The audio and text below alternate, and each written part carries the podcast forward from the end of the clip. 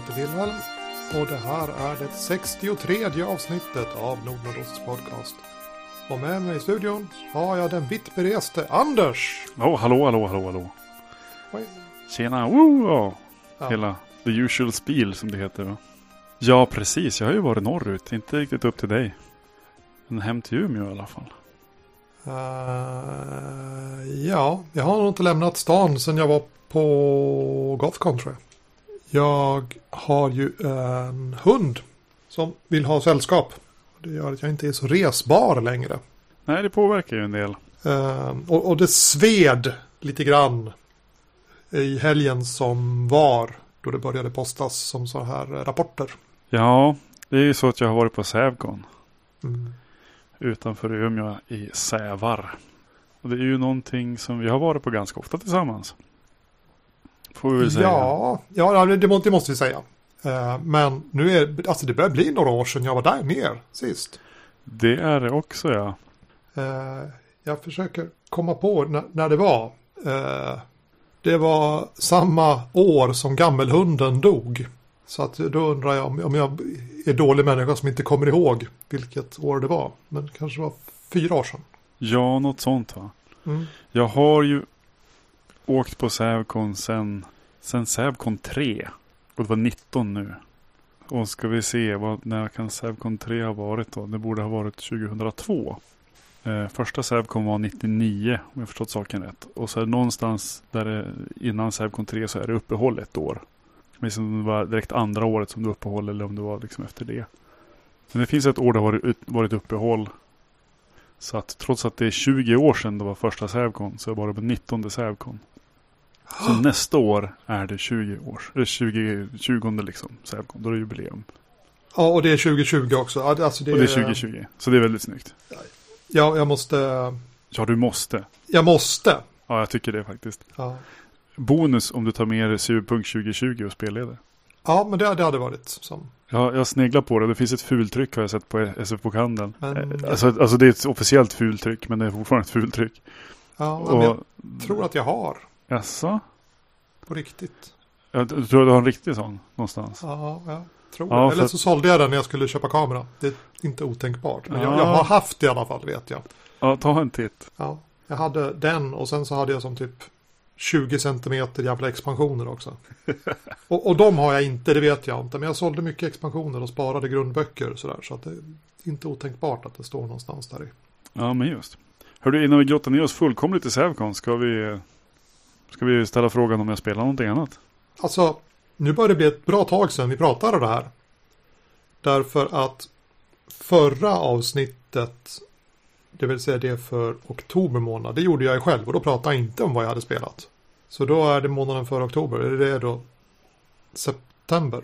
Ja, det är så. Mm. Räkna baklänges här, jag tycker det är svårt nog att räkna framlänges där i slutet på året. Och då spelade jag KUF med Mattias. Och vårt gäng som inte har varit i podcasten. Eh, och det är nu klart. Vi har spelat klart kampanjen. Mm.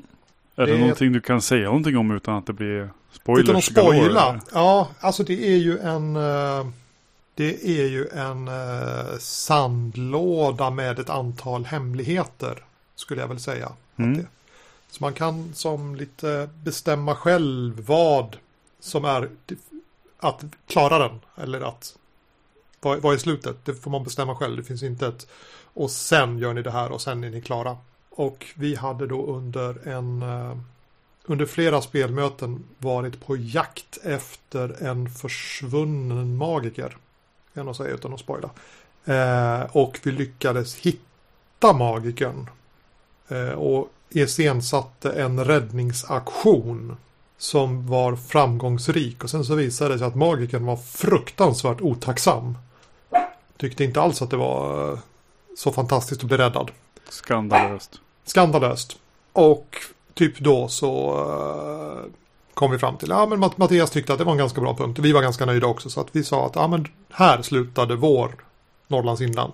Mm. Och nu håller Mattias på att skriva. Han satt igår, fick jag höra idag på lunchen, att han hade suttit Så att jag hoppas väl att jag i, ja inte så jättelångt efter nyår i alla fall kan sätta igång och layouta och sådär. För att vi vill ha med oss pappersböcker till Gothcon. Ja, det är alltid roligt.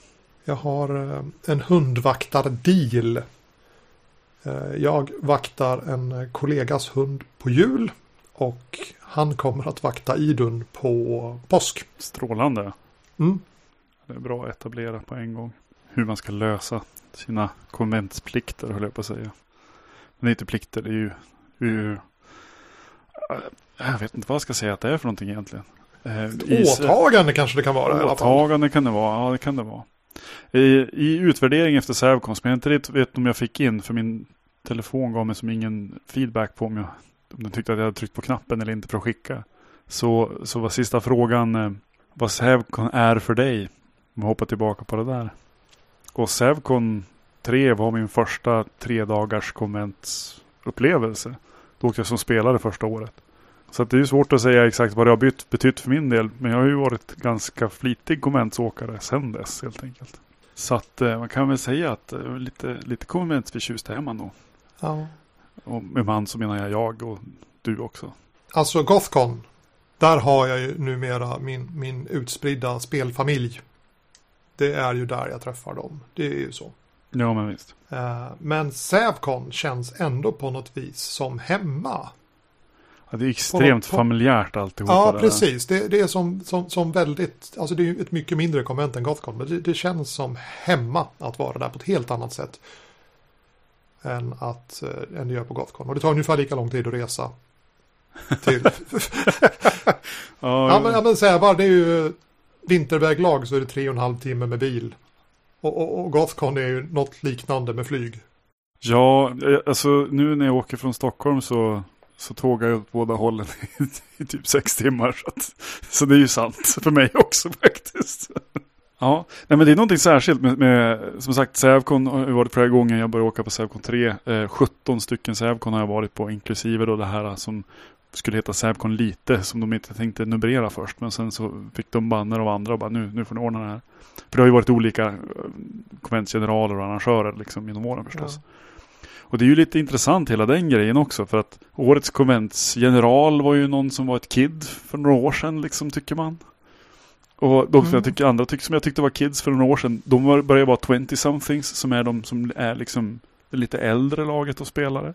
Så att eh, tiden går ju att ticka på sådär.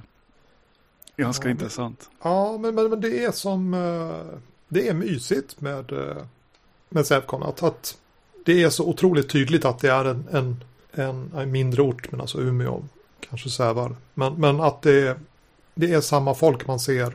Om, om man ser faktiskt folk växa upp.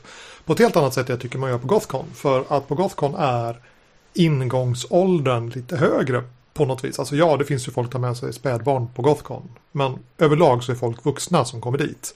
Ja, överlag. Men på Sävcon så är det på en, vad är det, en mellanstadieskola? Ja, det, jag tror att det har lite allt möjligt. Det är väl i högstadiedelen och det är väl högstadieeleverna som är Ja. där i första hand. Eh, har jag då för mig. Eh, mindre än så är de väl inte. Ja, det, alltså, jag har ju inga egna att jämföra med, men för mig så är det liksom sådär, ja, myndig och sen så är det som ett stort töcken ner, neråt där tills de åker vagn liksom. Ja. Ja, Jag har ju i jobbet varit och hälsat på eh, för- förskoleklass 1, 2 och 3 nu i veckan. Man kan säga att förskoleklass 3 är en ganska stor skillnad. Ja, Kan vi då säga. mm, ja, Eh, och sen, sen upp till de som kommer att spela på Sävgon så är det ett bra hopp också. ja, faktiskt. ja, ja. Eh, det må jag säga. Men, men, men som sagt, de, de växer upp och det, jag har ju, även om jag då inte har eh, 13 stycken i bagaget så har jag ändå sett det här som du pratar om att de som man träffade de första åren som spelgrupper sen dök upp som funktionärer. Ja men precis. Och, och folk som var eh, som, som kändes som små barn en gång i tiden är typ inte så långt efter mig i ålder så att det är kompisar nu liksom. Mm. Så att det, för det där jämnar ju på något vis ut sig liksom i tiden. Ja, det är som intressant. Ja, det, det, det, det är något, något, sånt där. Jag skulle säga att det är någon så här logaritmisk skillnad där att i takt med stigande ålder så blir skillnaden så mycket mindre. Ja, precis. Särskilt när, är, när man har att göra med leksamma, barnsliga vuxna. Ja. På något vis. eh, men lite generellt sådär. I år var det 13 lag med. Det är inte fy pyton. Nej. Eh, jag tror att det är strax över 20, 22 eller 25 lag som Sävcon haft som mest. Och då var det ju jättestort i känslan. Alltså då, då var det verkligen livligt och mycket folk. För, det, för då är det mycket att hålla i alltså. Mm. Eh, jag tror att det kanske var åtta lag i fjol. Och då kändes det ju futtigt. Eh, nästan. Om jag tänker med snabbräknar så. Det kanske inte ens var fem personer per lag. Men, men då är det ju typ 40 spelare. Med 13 lag så är vi uppe i ja, vadå, 55-60 spelare eller någonting. Ja. Och det är, en, det är en jättestor skillnad. Eh, ändå var det jätte, jättelugnt. Eh, mycket lugnare än en del andra år som säkert har varit jämnstora. Så att jag, jag vet inte, jag, jag, jag tänker att det får gå som någon sorts eloge till att arrangemanget verkar ha flutit på bra, så jag vet. Mm. Och en annan sak som hände i år, vet du, vet du vad det var? Vet du vad det var? Kan du gissa vad det var för någonting? jag, jag, jag, jag badade ni?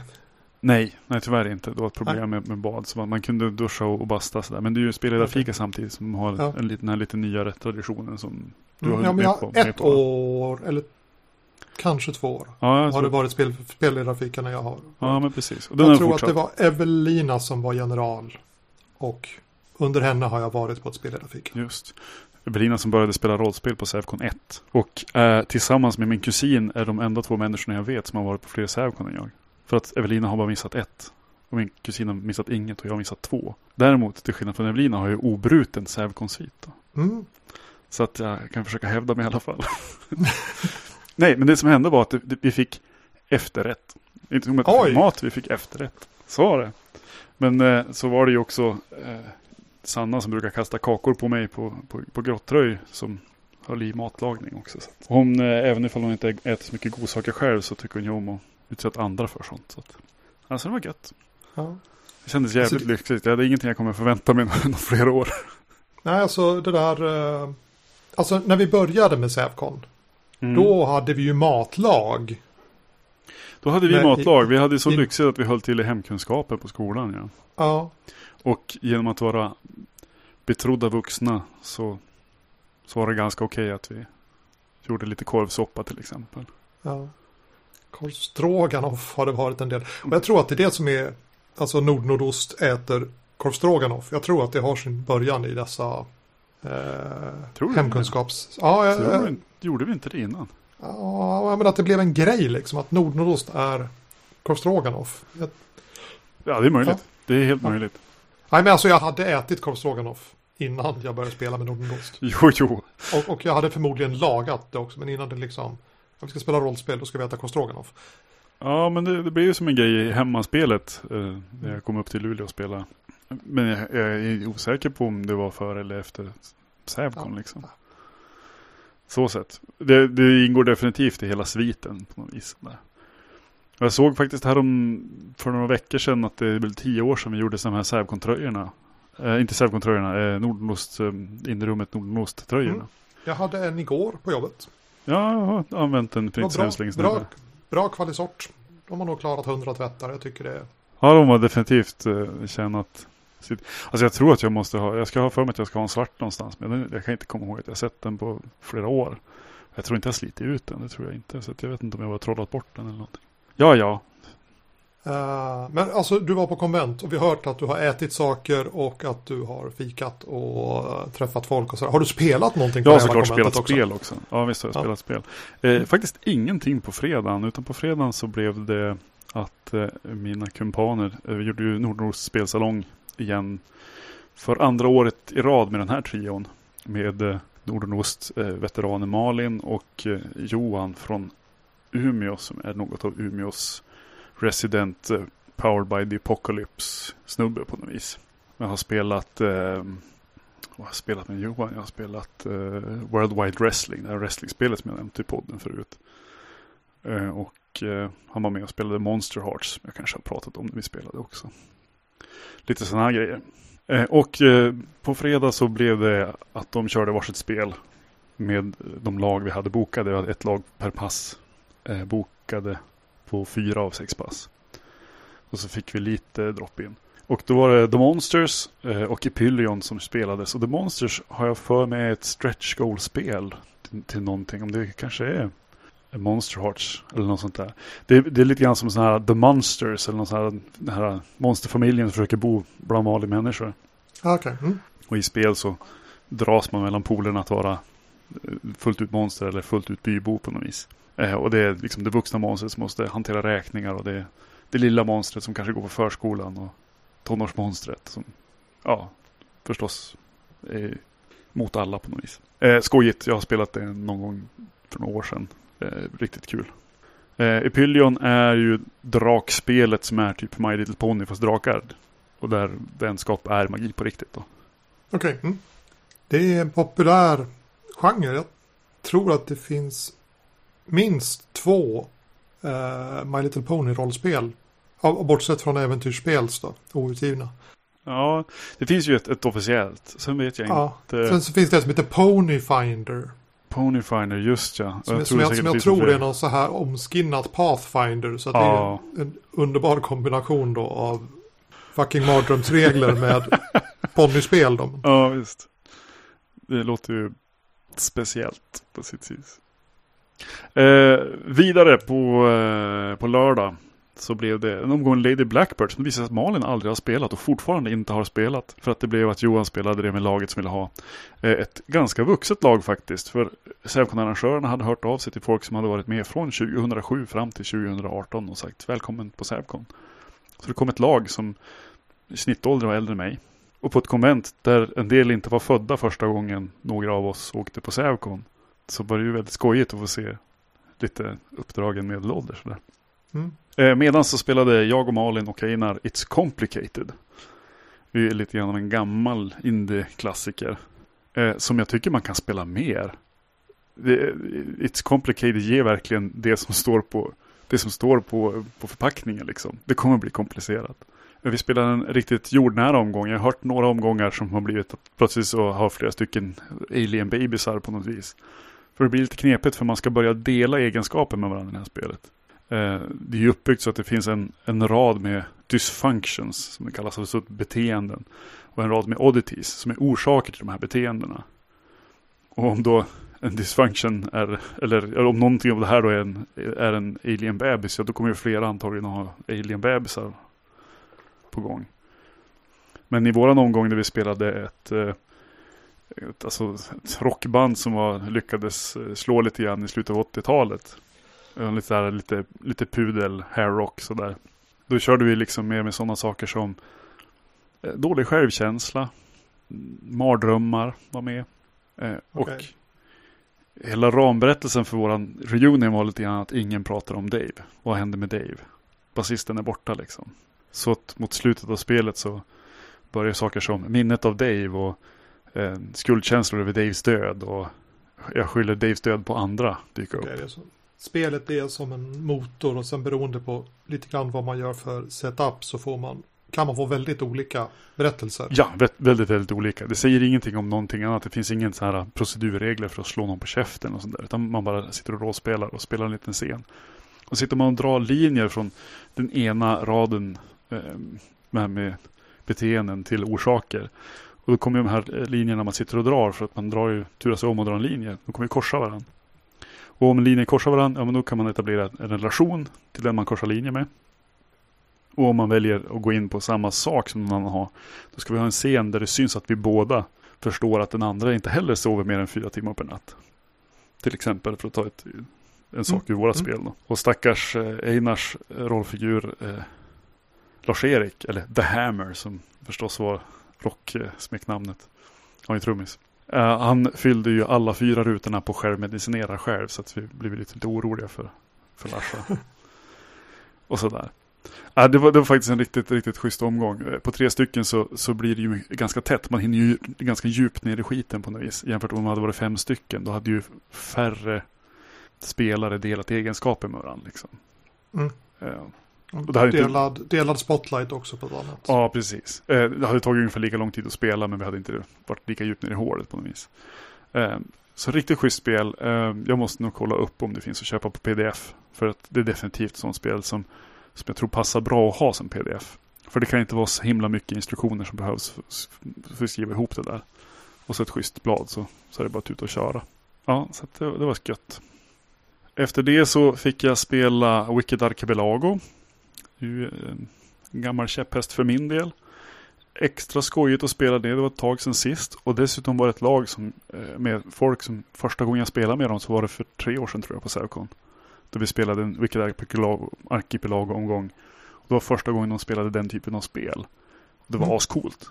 Och senare så var det också det här samma gäng som startade en, en Apocalypse World-kampanj i, i Umeå som jag var med i då. Eh, med vår vän Einar som spelledare. Som kanske kom till andra spelmötet och tog den berömda två spelmöten-kampanjen Döden liksom. Kanske. Som det kan bli. Så väldigt skojigt att återse varandra sådär. Och det visade sig att de hade inte räknat med att jag skulle vara där och jag hade ju inte räknat med att de skulle vara där. Så det var jättetrevligt och det var väldigt, väldigt så här. Eh, det var, vi spelade City States of Venus och eh, slumpade fram liksom eh, sådana saker som tog oss iväg ut på en väldigt domig berättelse med, med liksom grön rök och lila ljussken och förvandla folk till ödlor i ödle, ödlornas herres avbild liksom. Och staden skulle definitivt gå under så att jag packade mina penaler och stack. Det var eh, ödesmättat och fränt. Och faktiskt lite fint också. En av spelarna som spelade barn, eh, barnbudbärare till den stjärnskådare som jag spelade liksom. Och eh, gav någon sorts jag vet inte vad jag ska säga, någon sorts grundning till hela berättelsen där, där andra är så här makthungriga eller vill tjäna sin ödlig gud. Så kommer ett barn där och bara, du, du lovade ju att berätta vilka mina föräldrar är. Och så säger du att du inte vet. Jaha, var det bara en lögn? Ah, och så vidare. Ja, ah, vad fränt. Mm. Jag har ju spelat Wicked Arkeolag och jag tycker att det är trevligt. Faktiskt. Ja, eller inte faktiskt, men, men det är trevligt. Det är som lagom mycket. Jag tycker att Archipelago i sig är eh, lite eh, svårare att få grepp om. Ja, vis. jag håller med. Jag har ju inte spelat Archipelago ren, renlärigt, här på att säga, som det står i boken. För jag har svårt att, att greppa hur jag ska ta mig an det, i och med att det finns bestämda punkter man ska nå till. Och jag, jag, känner att antingen så kommer jag direkt säga hur det går och hur jag ska komma dit.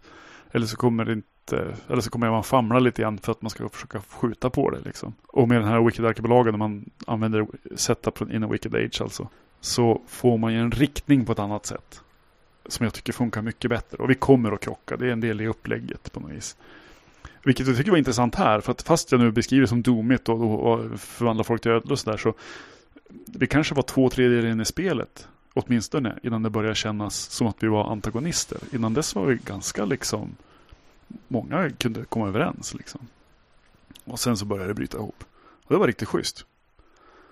Eh, jag gillar det, gillar det skarpt. Jag skulle fortfarande vilja lista ut hur jag ska överföra det där till någon sorts kampanjmodell. Man kanske helt enkelt kan sätta mindre, mindre avgörande mål för rollpersonerna. Eller mål ska jag inte säga, intressen. Liksom. Lördagen avslutades med att spelleda Drakarnas stad för min del. Eh, vilket var lite skojigt för att eh, i och med att jag inte hade spelat eller spelat någonting på fredag så hade det hunnit bli ett, lite av ett mem vid det här laget. Att jag har hört att Drakarnas stad är bra, som både Malin och Johan sa. Jag har bara hört gott om det, så liksom att hossa upp det så där på låtsas lite grann sådär. Och lo and behold, det kom ett lag som bara, eller ett lag, jag tror hopplock hop, folk kanske. Jag minns inte riktigt. Som valde att spela Drakarnas stad i alla fall. För det var mest fantasy av de saker som låg framme mm. på det sättet. Liksom. Jag körde ett äventyr som jag hade kört på Grotteröj förut. Jag för mig att jag satt då och sa att det var så roligt att se hur de pusslade ihop stället, hur det var. Eh, och det var lite liknande nu. Eh, gjorde en jättestor skillnad att förra gången hade de någon som kunde flyga. Den här gången hade de någon som kunde tala med djur. Eh, och det gav väldigt stor skillnad i spel. När man snubbla på någonting man kan prata med istället för måste hantera på andra sätt. Mm. Så det var fränt. De sista två spelen som spelades i spelsalongen på söndag då eh, var en omgång Zombie Cinema som eh, Malin hade med laget som var bokat. Och så var vi några stycken som körde en omgång Fall of Magic. Eh, spel som är känt för att det är på rulle. Man, och på rullen är det en karta och man väljer på på kartans olika platser då finns det ett par olika scener med liksom lite prompts för hur man ska spela där då. Eller, eller saker man, någonting man ska ha med. Helt enkelt. Och eh, det blev en sån här omgång där de flesta scener beskrev att ja, men jag är här och så går jag dit och så tittar jag på det här och så ser det så här ut ungefär. Klipp. Och det gjorde att vi hann faktiskt spela hela spelet så att säga. Det finns jättemånga vägar att gå på den här kartan. Men vi kom liksom till slut. Till, till slutet på något Ja, vis. precis. Det finns, den grenar sig så att man kan gå som Ja, precis. olika Grenar. Men, men, Mm. men Eh, men vi kom, vi kom till, ett, till ett slut och vi var nöjda med slutet. Och jag fick en lite grann, eh, lite av en sån här eh, vemodig, lite kärlekshistoria faktiskt. Och så där. Det var jättetrevligt. Jag bollade upp för den ganska tidigt. I min första scen så gav jag en annan rollperson egenskapen vacker. Liksom, för att jag trånade efter honom lite grann i, i Rosenträdgården. Och det, är det, är ett bra ställe att börja på om man Mm. vill spela in en sån grej. Och sen att den här, eh, den här andra personen var en fumlig akademiker, en överliggare liksom. Eh, Det var inget problem för mig för att jag, jag har ju en tendens att spela så här lite mer, lite mer melodramatiskt. Så att eh, efter ett tag så har jag lyckats tvätta av lite grann den där humorstämpeln. Liksom. Och så blev det liksom hand i hand inför slutscenen. Där eh, magikern och krabbsångaren upplöstes liksom i det här ljusskenet eh, i samband med att magin dog. Och eh, det är ju ingen spoiler då, för Follow Magic kan sluta precis hur som helst. Det är ju upp till spelarna att lägga in mycket i vad som händer och sådär. Ja, det var, det var fint. Väldigt fint. Så nu är jag, nu är jag lite fixerad på det istället. och vill också bara, hur, hur, hur, kan jag, hur kan jag snatta saker ur det här spelet då? För att spela eh, med på andra sätt. För det är ju jättefriformigt. Eh, det man slår tärning ibland, men det är bara för att det finns en liten slumptabell på vissa ställen. Liksom. Mm. Annars är det bara, eh, bara friform och snack. Ja, jag vet inte. Det är någonting. Jag blir riktigt... Jag, vet, jag går igång på det där. Tydligen har det visat sig, när jag har kollat lite efteråt, att det finns någon sorts scene, eller vad han kallar det för någonting, han som har skrivit spelet, med små scenarion som använder sig av originalkartan, men med lite andra instruktioner för hur man spelar. Eh, som jag funderar på om jag ska lägga beslag på. Mm. Det lät skojigt. Ja, jag och An- eh, Mattias går runt och väntar på uh, Ultraviolet Grasslands. Mm. Och det, är- det är ju inte alls samma sak. Men det har en utsträckt karta. Där man kan välja lite olika vägar och sådär. Mhm. Är- Den underförstådda kampanjen är ju att man ska färdas från ena kortsidan till den andra. Ja, just. Längs med den här jättekartan som då är ett antal uppslag stor. Ja, det är någonting med att kunna rulla ut den eftersom som är jäkligt läckert alltså. Mm. Och vad jag förstår så, så kanske vi får ett avsnitt där vi ska prata lite mer om, om just det här fysiska vid spelbordet. Eh, så där kommer jag att plocka upp Follow Magic ifall jag är Mm. tillgänglig. Alltså det, det, är ju, det är ju hejdlöst roligt. Därför att Mattias önskar spela, eh, spela in på torsdag. Alltså idag. mm. Eh, och du kan inte då. Nej, jag har för mig att jag hade Först. spelmöte. Ja, precis. Eh, så vi synkar oss till onsdag. Och sen så kan inte Mattias på onsdag. Så då säger jag, men då flyttar vi till torsdag. För när du har upptäckt att du inte har spelmöte idag. Och då kan inte Mattias längre. Så att det har varit väldigt fram och tillbaka. Ja. Men- Nej men så kan det vara. Jag tycker det, är, det händer ganska mycket nu i höst märker jag. Eh, för eh, ja, men, eh, helgen som var, Sävcon, nu har jag lovat bort mig, eller bjudit in mig själv faktiskt till att vara kattvakt i helgen. Mm. Och nästa helg efter det så tänker jag åka till Örebro på huskonvent. Det är fina grejer. Ja det kommer vara sjukt fint. Eh, lots of favorite people och, och sådär. Se vad vi spelar då för någonting, det kan bli jättespännande. Det var en tråd på det här bräd och rollspelsforum på Facebook. Det var en kille som hade haft huskonvent för första gången. Och var eld och lågor. Tyckte att det var helt jävla awesome. De hade haft eh, brädspelskonvent för han var brädspelare.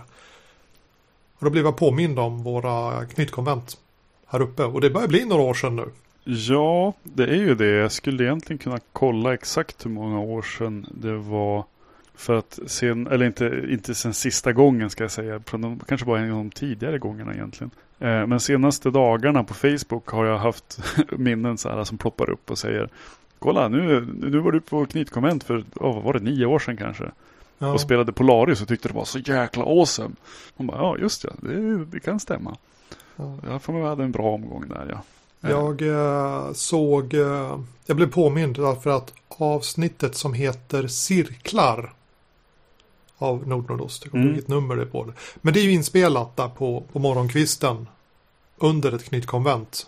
Eh, i, eh, I resterna av gårdagens spel, du hade övernattat i det inre rummet och sen så spelade vi in ett eh, sittningsavsnitt där på morgonen över glögg Mm. innan du skulle åka hem. Mm. Och jag bara, mm, ja det här var tider det. Det var tider det. Vi borde ha knytkonvent igen. Vi får väl se ifall det är möjligt att få till. Det är ju som lite avfolkat här uppe nu. I alla fall om man ska se det till eh, nordnordostare. Lite så. Staden Luleå växer ju, rapporterar kommunen glatt. Eh, men, men nordnordost krymper och det är ju värre. Jo du. Ja. Men hörru du, jag måste säga en sak till. Om Ja. För Man brukar ju rapportera sitt lot va? Mm. Jag har taggat... Ja, ingen konventsrapport utan lotrapport. Ja, jag vet inte. Jag har, jag har taggat av lite grann på båda grejerna. Eh, Dels så känner jag att, att jag orkar sällan skryta så hårt som jag borde göra över grejerna jag spelar liksom. Och sen så, ja du vet. Konsumtionshets och så vidare. Ja. Men jag kom hem med fyra saker från Sävcon. Eh, förutom förutom eh, konventshjältetröjan som var så här riktigt orange. Vilket är min smak då. Eh, och det var en punschrulle, en Delicatoboll och så var det eh, nytrycket av Prince Valiant rollspelet och The Episode Book som de har gjort till den här. Det var så här mini-äventyr liksom. För jag, jag har ögnat den på SF-bokhandeln och så nu har ju Collectors Point på plats. De har ingen fysisk butik Mm. längre så de passar ju på lite grann sådär. Och eh, tänk, det var ju pdf med. Så innan jag gick ut ur rummet ens så hade jag pdf-erna på mejlen. Liksom. Eller länkade pdf-erna på mejlen. Jag... ja, du köpte det Collectors. Mm. Ja, precis. Eh, så nu kan jag lämna, jag har lämnat böckerna hemma i, Umeå, men jag kan ändå, kan ändå kolla dem. Om jag vill. Det här, vad heter det? Bits and Mortar-program eller något sånt där. Precis så. väl. Precis att man kan, så. även om man köper boken i en butik så kan man få uh, pdf-en. Ja, och det är ju, jag tycker det är en fin bit av samtiden, snedstreck framtiden, beroende på Ja. hur man känner sig. Så det, det är riktigt schysst. Eh, kan man sitta och, sitta och eh, söka i, i pdf-en efter, efter vart de där reglerna för special effects är. Jag för mig de heter special effects. Jag måste ha inbillat mig saker från hur det såg ut i boken jag har tror jag. Eller så har de faktiskt ändrat. Men jag tror inte det. Jag tror att det är ett ganska direkt nytryck alltså. Ehm, förutom att den nya finns med färgbilder också. Den gamla var bara strikt svartvit. Den jag har, den gamla, är svartvit Ja. i alla fall. Ja, jag, jag har också den, den gamla. Eh, Jag tycker det är ganska skojigt för att i den finns det ju det här om man spelar så att säga det avancerade spelet. Det vill säga med, där man typ kan rotera spelledare basically. Och ha lite mer eh, regler och sånt där. Eh, Ja, då är det just det att, att sättet man roterar spelledare på är att man kan dela ut Spelar jag certifikat? Du kan inkassera det här för att få spela in en, en särskild effekt i spel. Liksom. Helt plötsligt så slänger jag fram den här och säger ja men eh, men när eh, Sir eh, Pellegras springer runt hörnet där så upptäcker han ju en lönndörr. Och det tycker jag är bara, det här, nu, det här, vänta ett tag, nu har vi ju, det här är ju en metod för att stoppa in genre, genremässiga saker. Och du och jag, vi är ju, vi är ju genrekramare alltså. Ja, så att eh, det är kanske någonting jag ska titta ett par gånger till på och fundera på. Om det är ett, en metod jag vill anamma till någonting. Det här spelet är från 1989 så att eh, ja, Stafford var ju ganska bra på att stoppa in smarta grejer känns det som. mm. ja nej, jag har nog aldrig kallats genrekramare förut. Men jag måste erkänna att jag är en sådan. Ja men det har väl vi pratat mycket om att okej, indiespel fine men med indiespel brukar man ofta säga story now och story now är inte nödvändigtvis det du och jag har jagat utan ofta har det ju varit genresimulation eller genreemulation och pastisch på något vis. Att det känns gött när det känns rätt. Eh, Precis, när pusselbitarna ser ut som de ska. så, som vi är vana vid. Ja men lite så. Ja, ja men jag, jag håller med. Vi är eh, 40 minuter in i inspelningen för redigering. Vi, skulle kunna sluta nu, men, men jag vill ändå prata om ett ämne som jag hade egentligen tänkt ha på avsnittet med Mattias. Mhm. Men eftersom det nu faller en månad in i framtiden, ish, eventuellt då, så tar jag det nu, eftersom det har med en Kickstarter att göra. Aha. Ah, och det är en Oj, oj, oj. Kickstarter som går ut om två veckor, så att den, Ja, då är det aktuellt. ja, ja då, då, då, alltså då, då tar vi det medan det fortfarande är aktuellt. Ja, men just. Shoot. Det finns nu en Kickstarter för ett spel som heter Against the Dark Master. Fantasy. Coolt. Man, gubbe med horn på omslaget. Det är coolt. yeah. yeah. Och eh, grejen är att detta Against the Dark Master är en eh, retroklon. Och det är inte en retroklon på Dungeons and Dragons. Det är en retroklon på Rollmaster och Merp från Iron Crown, från Iron Crown Enterprises. Just. Och om jag då, ja, jag började spela med drakar och demoner och mutant som, som alla andra i min generation. Wow, wow, wow. Men, men det spelet som jag minns tillbaka på, liksom var här rollspelade vi och här hände det coola saker. Här körde vi kampanj när jag var barn. Var Merp, eller Sagan om ringen rollspelet som det hette i äventyrsspels anpassning och översättning. Mm. De var ju hejdlöst listiga. De gjorde lite förenklingar i reglerna när de översatte det. Och det gör att eh, armskenor och benskenor eh, inte har någon effekt längre. Man kan Oj. fortfarande köpa dem. Ja, jag skrattar så jag ser, ser hur lampan bara lyser pik här hela tiden. Nu får vi se hur Ja. det låter. Okej, man kan köpa dem men de gör ingenting. Nej, de gör ingenting. Eh, De, de gjorde någonting i Merp, men de gör ingenting i, i Sagan om ringen-rollspelet. Ja, efter, efter vad jag har hört, jag har inte verifierat detta, men, men historien säger att så är fallet. I alla fall, jag spelade massor med eh, Sagan om ringen-rollspelet då. Alltså när, när, när, vi, när vi var små. Mm, mm.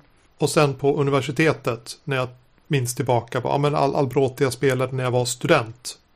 Där indievågen kom ju egentligen typ när jag höll på att lämna det livet.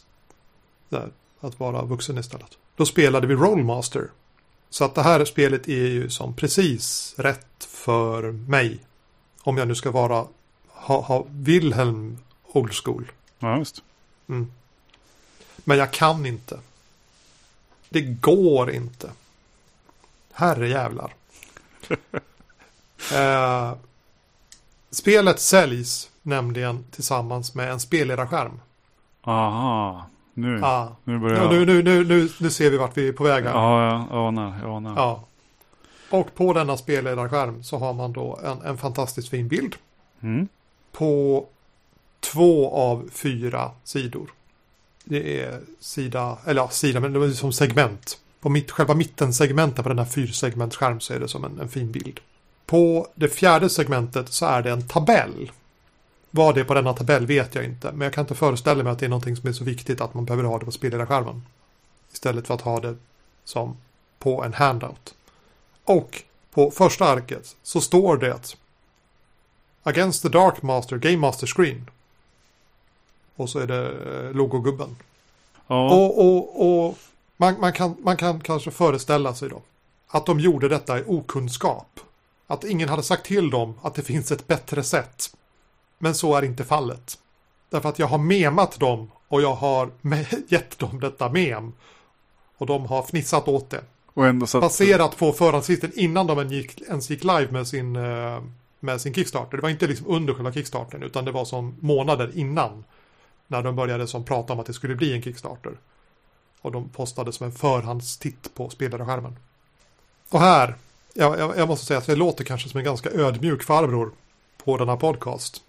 Eftersom det faller mot vårt värdeord mys. Men det är en lögn, jag är inte ödmjuk. Och dessa människor har fel. Och jag försökte få dem på rätt spår. Och och det går inte. Jag måste ha en spelarskärm som är fin om jag ska ha en spelarskärm. Och med fin så betyder det att den inte har ordet spelledarskärm på sig. Den har inte spelets namn på framsidan. Den har inte logotyper, den har inte streckkoder. Den har inte eh, speltextblurb på sig. Utan den har som en bild på sig. Som drar in mig i spelvärlden. Eh, och de valde att inte göra detta.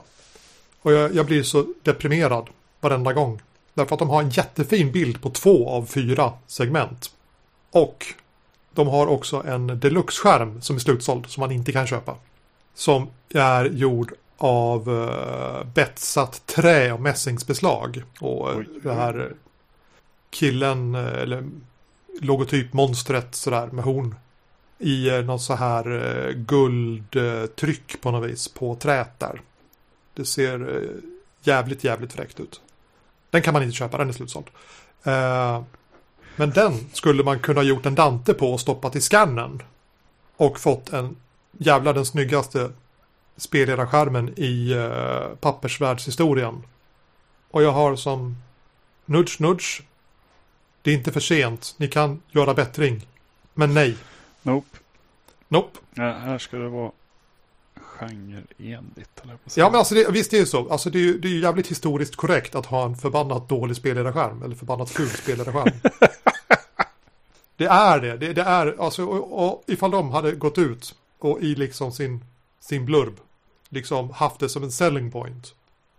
Att, och så har vi då gjort en tidsenligt jävelful spelledarskärm. Då, då hade jag kunnat liksom så nicka ironiskt hipster och liksom kanske köpt det. Men de går inte och säger att den är fin. så det blir inget? Det blir inget. Nej, det blir inget. Ska, ska, ska, vi spela så tar jag fram Ja men Sagan om ringen kanske. För det är inte så jävla dumt faktiskt.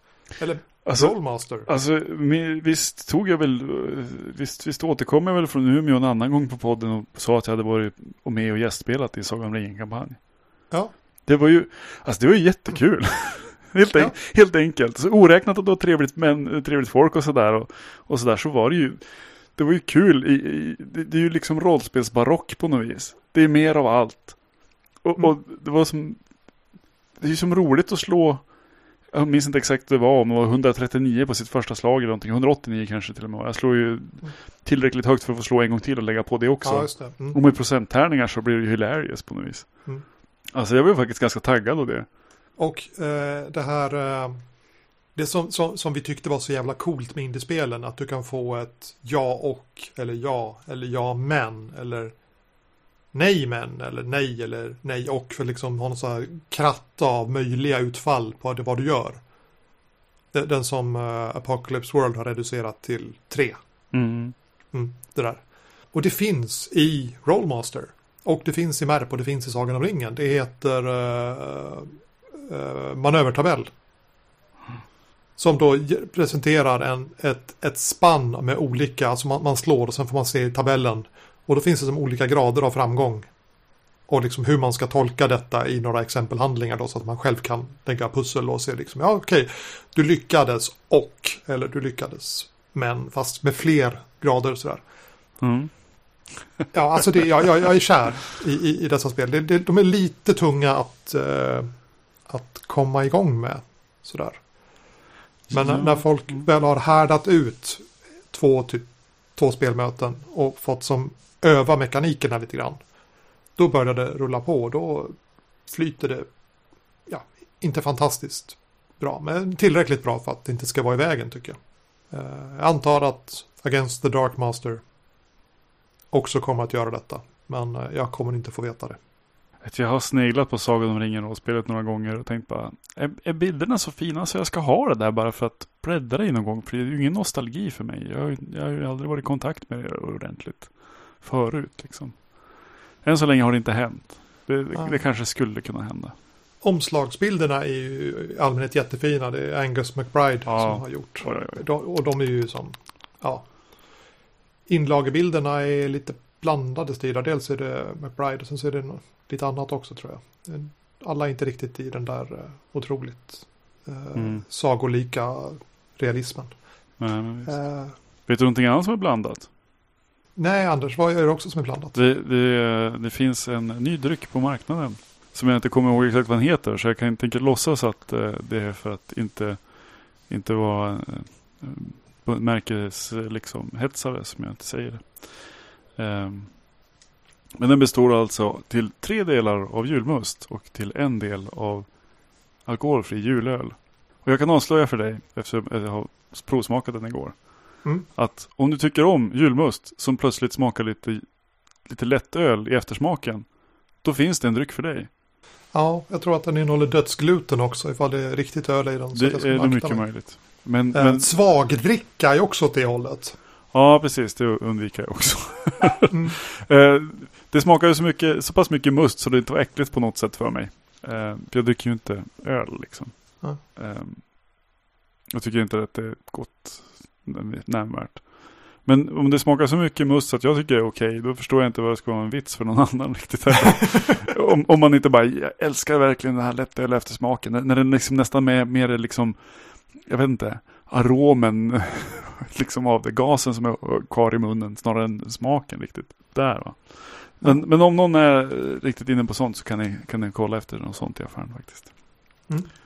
Eh, själv så fortsätter jag säga att Soinerts kanske är det jag väljer. Men även eh, är det, Nygårdas, den här som ligger, har legat på romfat. Mm. Är ju också en som jag kanske väljer nästan hälften av gångerna nu. Tänka sig. Ja, Frida kommer upp, vi ska fira jul. Eh, och hon är ju då julmustsentusiast. Så jag misstänker att vi kommer att prova oss igenom marknadens erbjudande då. Köpa på flera olika sorter Mm. och prova oss igenom. Så att typ i, i nå- någon gång där mot januaritrakten, januariavsnittet så kanske vi kan ha lite, eh, Byta lite erfarenheter. ja, byta, byta lite Mm. erfarenheter där. Eh, kanske ska ta, ta en titt igen på Systembolaget. Det var ett par år sedan, två år sedan kanske sist. Och då hittade jag, undrar vad det kan vara, var det Duvenkrok kanske eller någonting sånt där? Någon som brukar göra must annars i alla fall hade gjort, eller inte must ska jag säga, någon som brukar göra glögg oftare. Mm. Hade gjort en must i alla fall som kanske nästan var ännu godare än Soinert. Och jag vet inte om den finns fortfarande. Ja, då gå och kika. Mm. Eh, mm, julmust. Och glögg. Det är, alltså, ja, alltså, det är en mat och rollspelspodcast det här. Vi är ledsna. Eh, det är äntligen höst och vinter. Så äntligen kan man som med gott samvete göra de här skandalöst rustika maträtterna. Jaha, Det, det, det, det, det, Kör. lämp, alltså, ja, men det, alltså, det lämpar sig inte riktigt på sommaren på, nå- på något vis. Där man, man sitter och svettas i värmen att någon ställer en gjutjärnsgryta med fem kilo kött i på, på, på bordet liksom. Nej, det, bidrar ju lite grann till, eh, till, till värmeobehaget på något vis. Ja, precis. Eh, men vi har ju spelat nu när det har varit så här höstigt. Mm. Och jag har gjort insikten att om man tar en kyckling och lägger i ugnen i en, en gryta med lock Ja, på typ sådär 150 grader sådär i tre timmar. Och sen så skvätter man i eh, alltså okokt ris och så mycket vatten som det står i receptet att man ska ha för att koka detta ris i grytan. Och så på med locket igen och så en timme till. Då får man kyckling med ris som är kokt i kycklingfett, spad, avkok sådär. just. Och du jävlar. Men, men har du några morötter eller någonting i den här? Ah, ja, det, det kan man väl ha. Men eh, li- lite, lite, lite vitlök och lite kryddor Ja. eh, för kycklingen. Sådär. Och som tillbehörsgrönsaker. Sådär. Men inte i själva ugnen. Mm. Mm. Men det skulle man ju kunna ha. kan man ha. Men just att koka riset i, eh, i det eh, som kommer liksom ur huvudrätten på något vis. Ant- Antar att det skulle gå bra att göra med en köttbit också om man gör typ pulled pork eller något sånt där. Kanske. Jag Mm. vet inte. Men jag har gjort det med kyckling och det var fantastiskt. Tips i vintermörkret. Ja, ska, jag, ska jag dra någon sorts matlagningstips då, då skulle jag väl säga att om, eh, om man äter fisk och hittar en, en vit fisk som man känner är tillräckligt etisk ens samvete och mage så skulle jag slå upp ett recept på dragonfisk. Det- Okej. Det tycker jag är goda grejer. Eh, jag har nästan aldrig lagat fisk hemma om det inte varit fiskpinnar. Så att nu, nu sätter vi ribban lågt här. Eh, men dragonfisk har jag gjort ett par gånger nu i, i år. Och det är verkligen bara kött, eh, eller kött säger jag, fiskbitarna i pannan. Receptet jag har kollat på har också då tyckt att man ska smörja pannan först. Mm. Salta och peppra på ovanpå lite grann. Eh, sen varianten jag har gjort nu då. Eh, mamma gör det med, med liksom blanda dragon och, och peppar och salt tror jag rakt i matlagningsgrädde. Men jag har gjort en variant som, där man då ska ta lite smör och så fräser man liksom dragonen först. Mm. Rör ihop det med crème fraîche. Jag var så fräck så att jag hällde i en halv buljongtärning också. Jag, för mig. Jag tror det gjorde ganska mycket skillnad. Eh, och eh, så strödde jag över, nu, nu är det på freestyling här, strödde över eh, Mm. purjolök och eh, hackad chili. Och så över med gegget på fisken, ställ in i ugnen typ 20 minuter. Eh, minns inte exakt men det borde vara 225 liksom. Ja, men men, men den, den tiden som rekommenderas i allmänhet för att laga vit fisk i ugn. Sådär. Ja, men lite sådär. Det, det är bara att googla så hittar man något recept på det där. Det är det som är det, fina med kråksvängen. Det är så enkelt att jag vågar göra det. Liksom. Mm. Och jag är inte, inte morsk när det gäller andra saker än att steka grönsaker och koka grönsaker och lite sådär. Eh, helt enkelt. Utan, utan jag brukar vara lite försiktig. Men det här ju jättebra båda gångerna. Och då har jag bara haft in det i 20 minuter sen är det klart. Liksom. Det blev väldigt, väldigt smakrikt nu senast. Med, med den Mm. här buljongtärningen och, och eh, med chilin lite grann. Ja, men det låter verkligen också som, som denna kategori av rustik Mm. höstmat där med, med, med smörstekt och kokt i grädde. Liksom, då, börjar, då börjar det rusa iväg. Precis. Ja, men det kanske slutar där.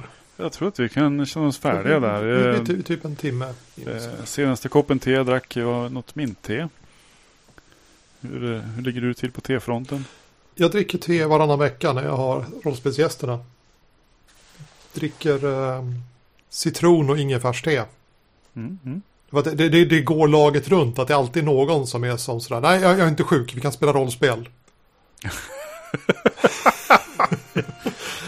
och, och, och sen så är det, eh, är det någon då som är. "Nej, jag, jag är så sjuk att jag inte kan spela rollspel. Ja. Sådär. Eh, då, då, alltså, folk är, vad heter det? Försiktiga med att smitta varandra. Men vill också spela. Ja. Så, så, så, så att man, man, man som, ja, ja, ja, ja, mm, jo, men jag, jag är inte sjuk. Och sen så smygostar man. Och, och, då, är det, och då, då är det ganska skönt med ett, eh, ett grönt te med eh, lite citrus och ingefära i. För att den ingefäran, den, den, den slår ju som en klubba i halsen. Eh, liksom lättar upp. Mm, mm. Mm. Ja, det, det är bra. Att ta hand om det. Hörru du, nu blir det spännande att se hur mycket det fräser i inspelningen. Ja, Ja, mina korvar verkar ha slagit lite grann i taket här ja, ja, mina har också touchat någon gång. Så. Men så kan det vara när man pratar om spännande saker.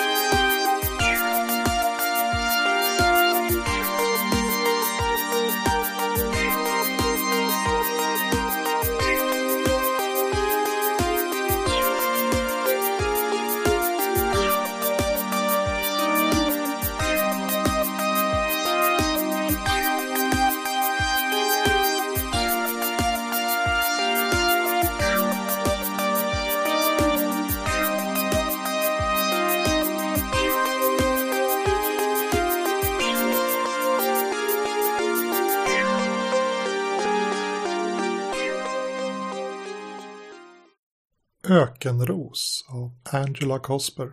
Första kapitlet. Sarah. Det monotona skrapandet från en döende klimatanläggning överröstades av toner ur klockradions morgonprogram. Hon vaknade med huvudvärk och en sträv känsla i munnen. Lakanen hade under natten samlat sig till rep och hennes hud var täckt av ett tjockt lager torkad svett. En sen värmebölja hade bitit sig fast vid östkusten och visade efter över en vecka ännu inga tecken på att ge med sig. Hennes sparsamt möblerade etta på sjunde våningen i Lennox Hill förvandlades till en bakugn på dagarna. Nu på morgonen var den uthärdlig och badade i varmrött ljus från den uppåtgående solen. Men det var torsdag och hon var tvungen att lämna den relativa svalkan för att skynda till jobbet. Hon hade sovit naken för värmens skull och gick direkt från sängen till duschen i det minimala badrummet. Rören hostade till innan ljummet vatten började strila över henne. Radiovärdarna skämtade om värmen och diskuterade trafiksituationen medan duschen långsamt fick henne att känna sig som en människa igen. 25 minuter senare steg hon ut genom porten. Hennes kopparröda hårsvall och körsbärsläppar stod ut mot den ljusa hyn, vita blusen och svarta pennkjolen. Över axeln hängde en likaledes svart dokumentportfölj och hennes klackar trummade mot trottoaren när hon likt så många andra Manhattanbor kastade sig in i morgonrusningen. Med en bagel i ena handen och en kopp kaffe i den andra skyndade hon mot 72 gatans tunnelbanestation. Luften var så torr och dammig att den formade ett rött dis omkring henne i solskenet. Ett tunt lager sand på trottoaren dämpade ljudet av hennes steg och diset tätnade så att hon inte längre kunde se andra sidan av gatan. Vinden friskade i och hon kände sig varm och utmattad. Och när hon försökte se hur långt det var kvar till tunnelbanan insåg hon att hon var ensam att skynda längs gatan.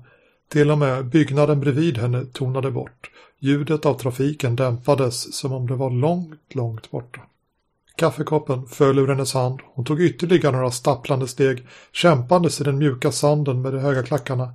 Vinden tjöt omkring henne. Hon blundade för att hålla dammet ute. Hon föll och händerna sjönk djupt ner i den varma sanden.